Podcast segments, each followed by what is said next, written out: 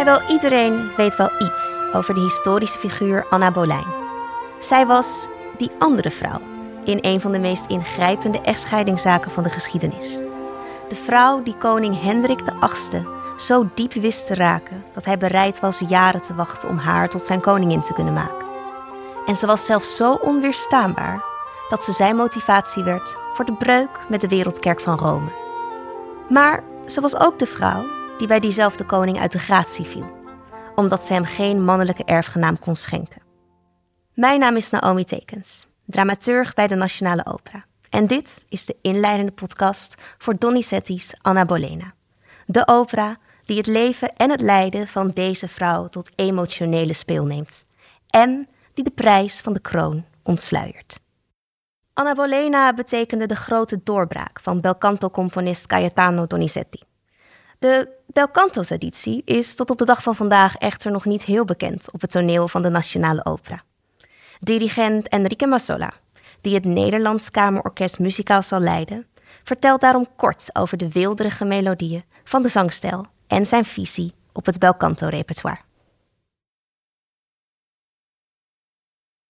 In bel canto, we have a singer singing a very beautiful melody. Let's call it a simple melody. Very legato, very sweet, very beautiful. What is the orchestra doing? A very minimalistic accompaniment. This is some of the rules of also of the pop music. If you really listen uh, carefully, uh, the beautiful songs of pop music, there is the song which is very nice, and the accompaniment which is uh, syncopated and uh, uh, accompanied with a strong rhythm is very minimalist. It doesn't disturb the singing. Exactly the same in bel canto. We have a very beautiful melody, and the orchestra very often is doing um ta ri ra ri ra ri ra. Da, ri, ra, ri, ra, ri, ra. You see how it's minimalistic. It repeats always the same formula.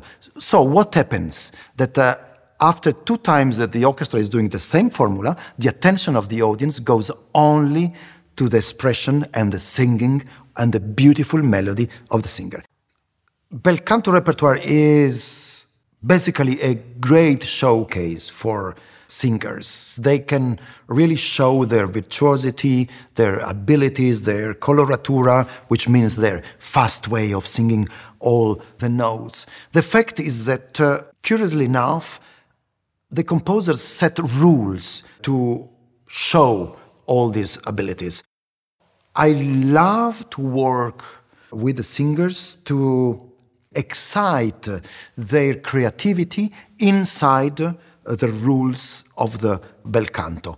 So we have to keep uh, the tempo, variations has to respect uh, uh, the orchestral accompaniment. uh, and you know, when uh, we finish the arias, there is always what in Italian is called the acuto, the high note, which, uh, of course, is a moment of virtuosity that all singers are waiting because they sing the whole aria and they say, okay, at the end, I want to show everybody how are my high uh, notes. And there are rules also for this which high note, how long is this uh, uh, high note, if he's in the duet, who of the two has to sing the high note and who has to make short. You see, there are di- different uh, situations, and so it's very interesting. I, I really like to provoke also the singers to think that uh, there is a, a style which is hidden or less hidden, but we have to respect.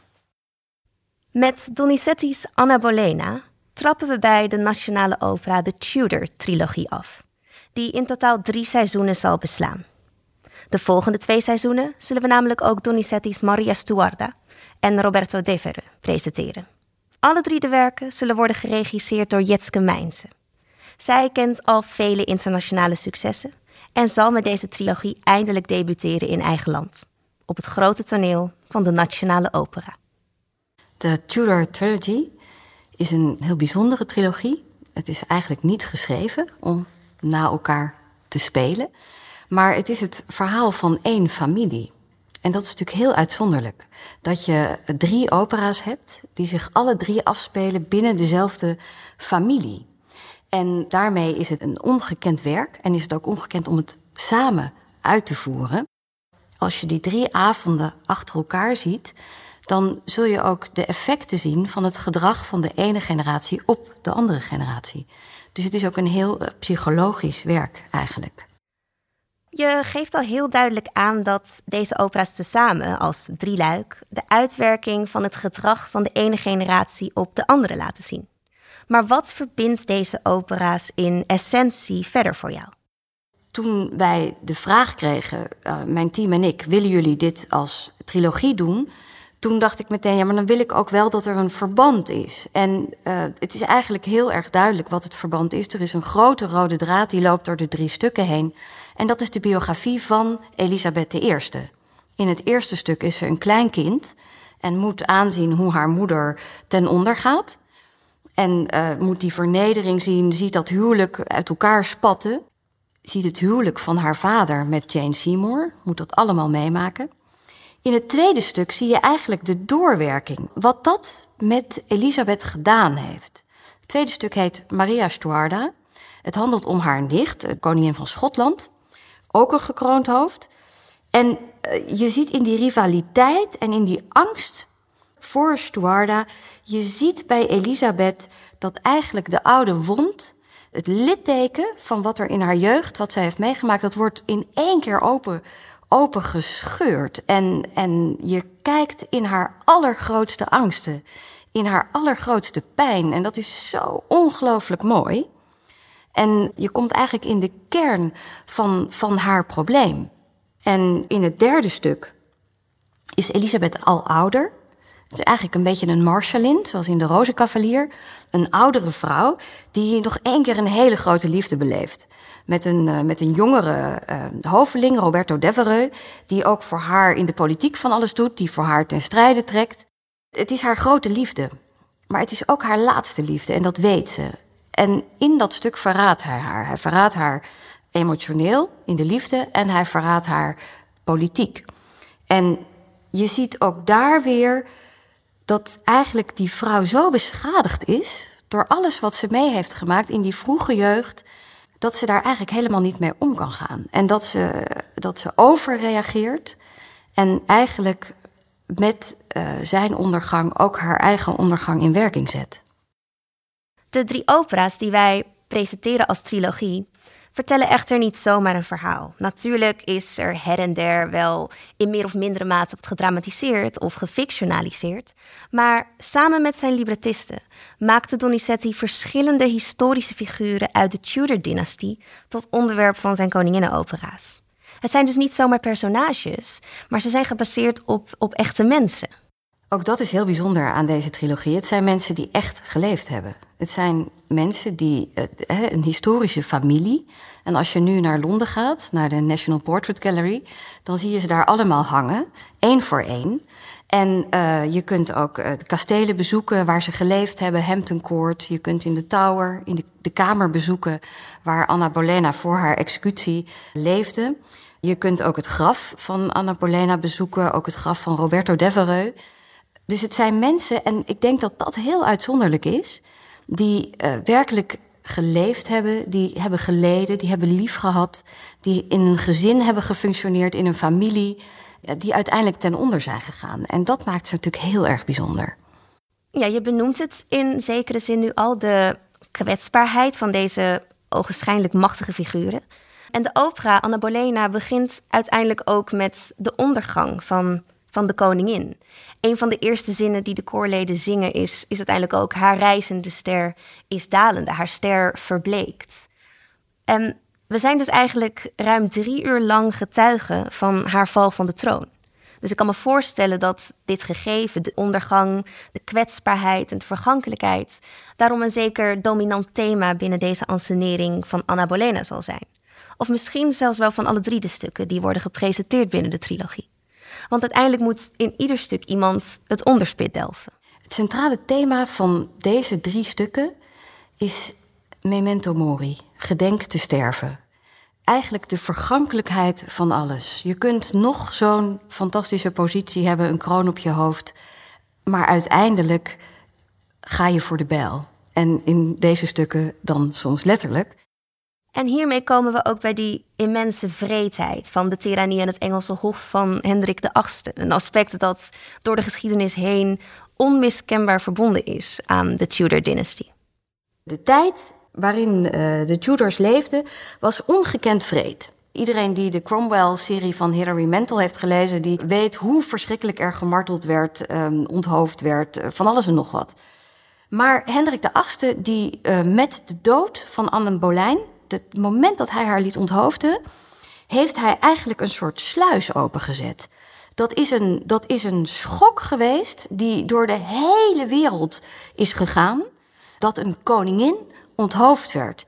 En daarmee heeft hij eigenlijk zichzelf ook toestemming gegeven om dat vaker te gaan doen.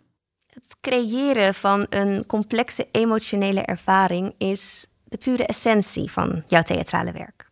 Ook voor je anseneringen van de Tudor-trilogie wil je niet zozeer de pracht en de praal van het Engelse hof tonen, maar juist diep in de complexiteit van de personages duiken om de mens achter de historische figuren naar voren te brengen. Mijn fascinatie voor dit stuk ligt in de personages. Ligt in de, in de relaties tussen de figuren.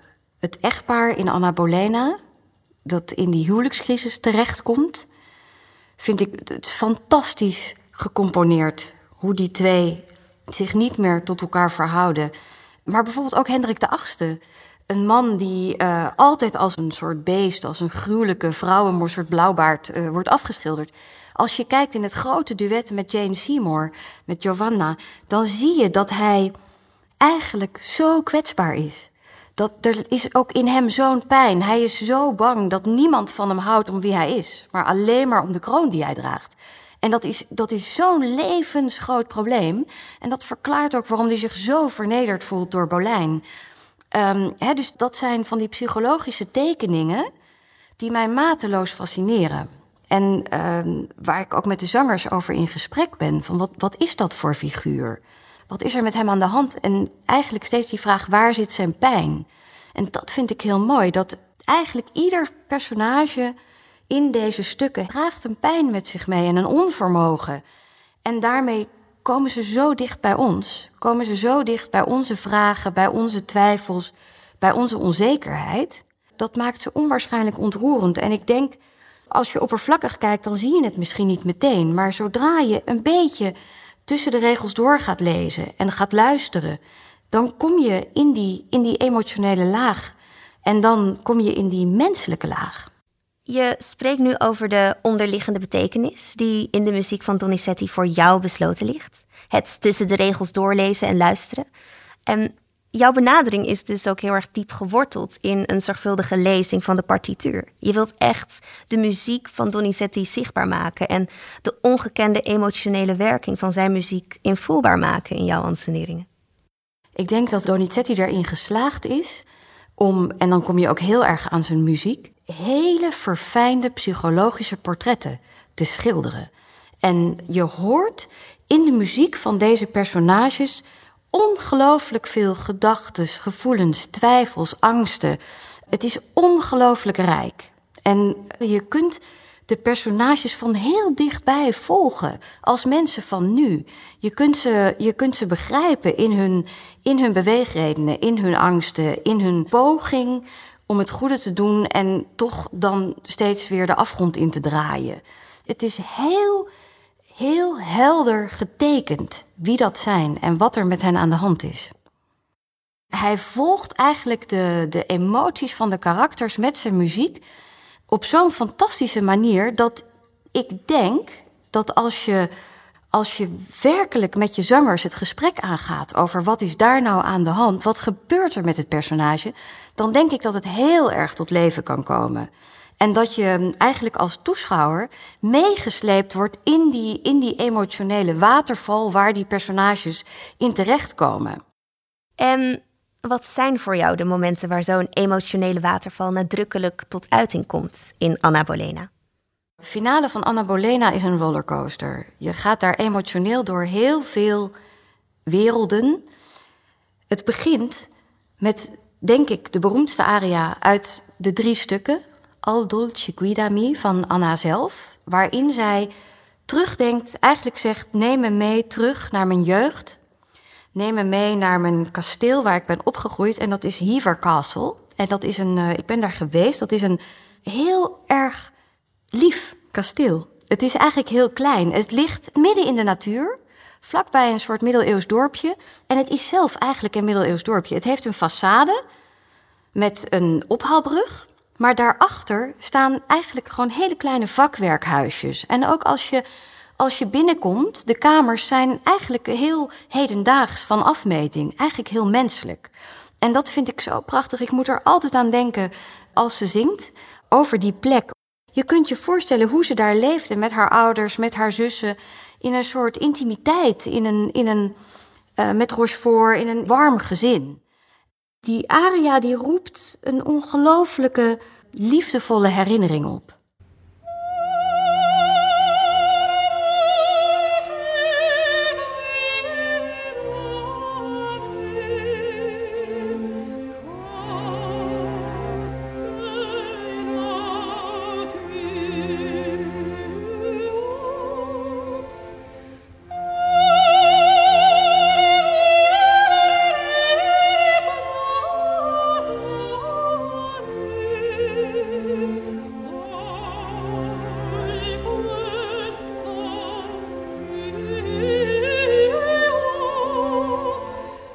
dan word je daar eigenlijk heel vreed uitgerukt. Dan hoor je marsmuziek, je hoort het huwelijk van Hendrik VIII en Jane Seymour. Je hoort ze komen en Anna is inmiddels een beetje... Ze is verward, ze, ze heeft vlagen dat ze soort waanzinnig is... en dan weer even bij zichzelf komt en dan weer waanzinnig wordt en weer bij zichzelf. Zij vraagt dan, wat is die muziek? En ze realiseert zich wat ze hoort. Ze realiseert zich dat ze het huwelijk van haar man met zijn nieuwe vrouw hoort. En dan barst ze uit in een fantastisch uh, finale nummer Kopja en Ikwa, schuldig koppel. Eigenlijk, je zou kunnen zeggen, ze vervloekt bijna dat nieuwe paar. Ze beschuldigt dat nieuwe paar. Dat is een prachtig beeld. Enerzijds, je hoort die feestmuziek, je voelt dat feest en je ziet die vrouw die over een paar minuten er niet meer zal zijn.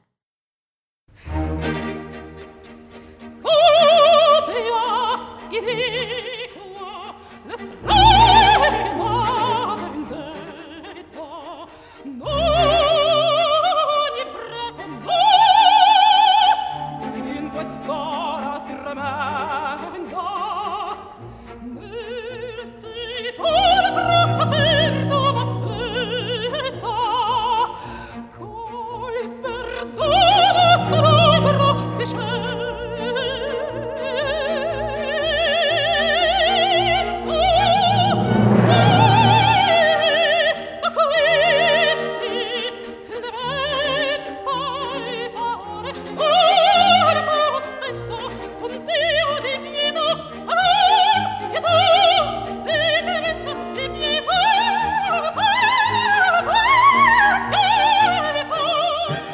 voor dirigent Enrique Massola staat de emotionele ervaring voorop wanneer hij Balcanta operas dirigeert.